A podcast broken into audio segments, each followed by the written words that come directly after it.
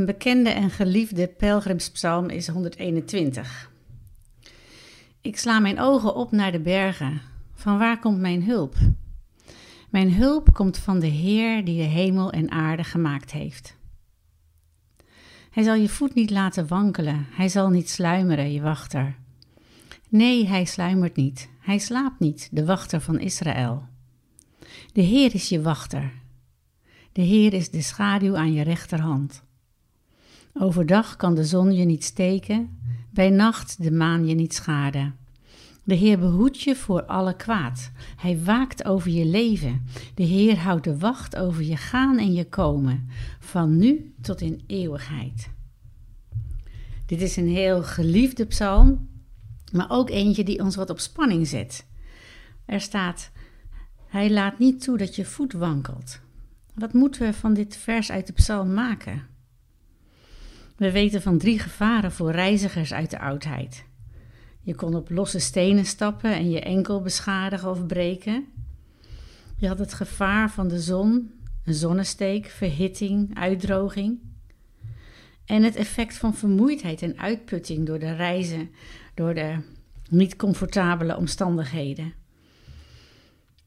En veel christenen zijn teleurgesteld vanwege deze verse waar staat dat de Heer je behoedt voor alle kwaad. Hij waakt over je leven.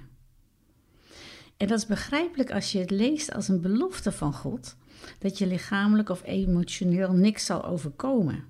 Want als je dan betrokken raakt bij een ongeluk of ziekte, wankelt je geloof. Maar hoe kun je dit vers nou wel lezen? Je moet deze woorden zien in de context van de hele Bijbel, waar nergens een suggestie is dat leven in geloof ons onbereikbaar maakt voor moeilijkheden. Ja, er zijn voorbeelden van genezing en laten we daar niet klein over denken. En over bevrijding uit moeilijkheden. Maar we kunnen er niet van uitgaan dat we niet zullen lijden. Speciaal omdat er veel gezegd wordt over het lijden van gelovigen. Dus de belofte van deze psalm is dat ziekte en moeilijkheden niet de macht hebben om ons te scheiden van de liefde van God. Dat is de belofte. Iemand zei eens: God stopt de golven niet die van buitenaf op ons slaan, maar hij voorkomt dat ze van binnen over ons slaan. En bij elke stap kunnen we zingen van het feit dat ook al overkomt ons kwaad, het wordt niet onze ondergang, omdat het niet meer de macht heeft ons omver te slaan. Vader, wat we vandaag lezen, dat is als een samenvatting van het leven. Er zijn dagen dat ik geen antwoord krijg, waarop ik moet wachten tot de volgende dag.